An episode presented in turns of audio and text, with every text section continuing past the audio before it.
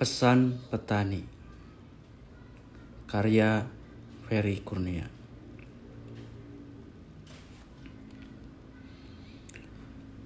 Tidak punya hati. Kalau kamu katakan bahwa petani adalah sekumpulan orang-orang miskin. Petani adalah sekumpulan orang-orang yang tertinggal. Petani hanyalah pekerja kotor yang selalu bercanda mesra dengan tanah dan kotoran hewan ternak. Petani hanya bisa melongok melihat kemajuan teknologi yang tidak mengerti kenapa bisa terjadi. Kalau memang ada petani seperti yang dituduhkan, berarti itu gara-gara kelakuan orang-orang yang tidak punya hati. Betul, memang betul. Kami hidup jauh dari kota sampai membuat enggan orang kota untuk berkunjung.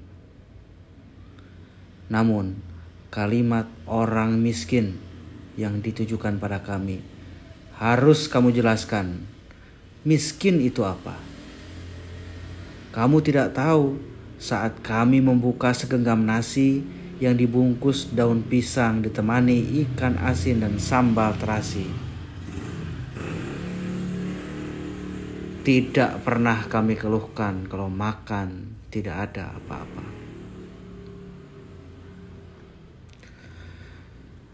Tuduhan sekumpulan orang-orang yang tertinggal seakan cermin petani di matamu.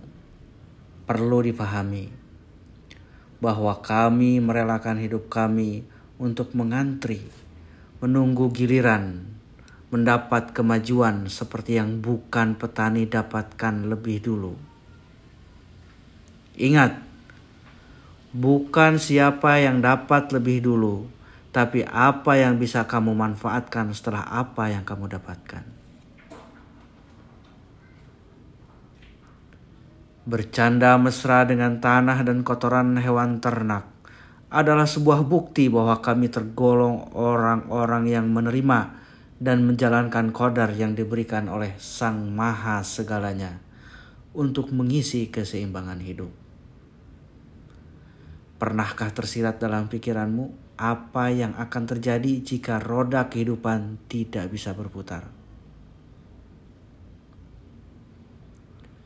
Kemajuan teknologi yang belum kami pahami sepenuhnya adalah sebuah harapan bagi kami yang selalu setia menunggu orang-orang yang mengaku sebagai orang yang canggih melakukan tugasnya, memafah kami untuk mengerti akan fungsi teknologi bagi kehidupan kami.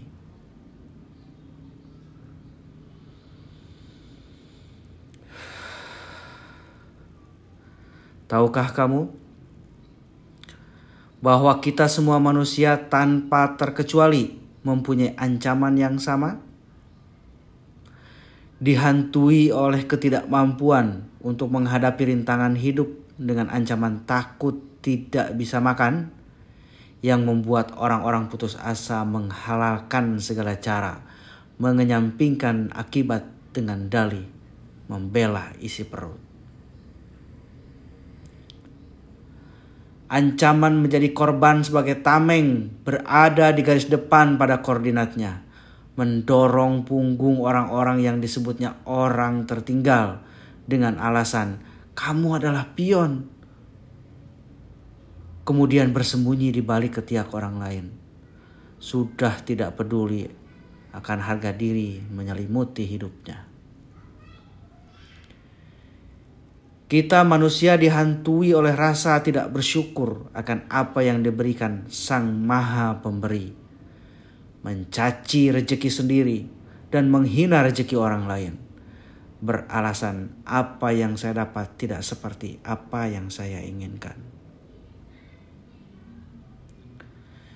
Kita semua juga dihantui kebutaan menyelaraskan hati dan pikiran bahwa keduanya bukan hanya untuk membedakan mana yang salah dan mana yang benar, tapi juga untuk meninggalkan yang salah dan mengerjakan yang benar. Kemajuan teknologi yang begitu pesat, Pak, pesawat jet yang meluncur menyisakan asap hipnotis terhadap hati dan pikiran, membutakan tujuan dan menggunakannya salah kaprah dengan dali memanfaatkan kemajuan teknologi. Hei kau yang di sana, jangan kau berpaling saat kupanggil saudara. Berhentilah menilai orang lain sebelum bisa menilai diri sendiri.